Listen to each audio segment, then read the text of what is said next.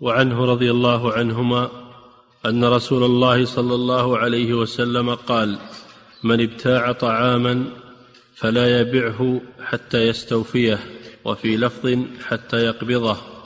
وعن ابن عباس مثله. نعم. إذا اشترى طعاما إذا اشترى طعاما لم يجوز له أن يبيعه حتى يقبضه حتى يقبضه وبماذا يقبضه؟ يقبضه بالكيل بالكيل أو الوزن.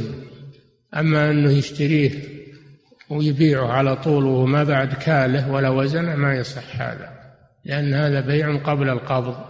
نعم حتى يستوفيه يعني حتى يكيله حتى يكيله إن كان مكيلا أو يزنه إن كان موزونا.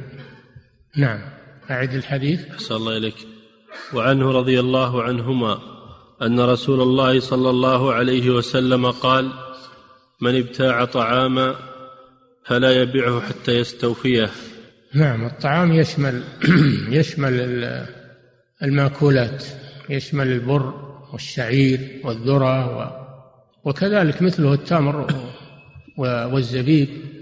إذا اشترى شيئا من ذلك صح البيع لكن ما يجوز له أن يبيعه حتى يقبضه يستوفيه بالكيل أو الوزن بل حتى ينقله من مكان البائع لأن الرسول صلى الله عليه وسلم سيأتي في حديث أنه قال لا تباع السلع أو نهى أن تباع السلع حيث تبتاع حتى يحوزها التجار إلى رحالهم.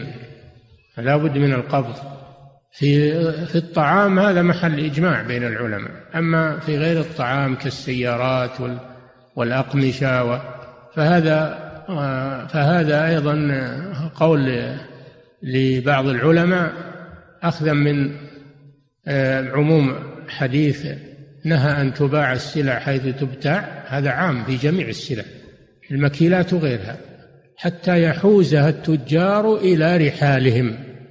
فإذا شراها لازم ينقلها من مكان البائع إلى مكان المشتري ثم يبيعها. هذا هو القبض التام.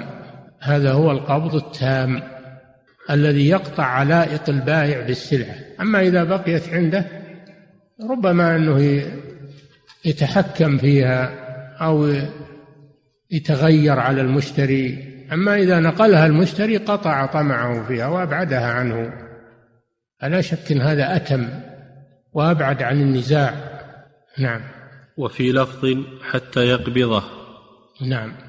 استوفيها ويقبضها بمعنى واحد والاستيفاء بالكيل والوزن. نعم.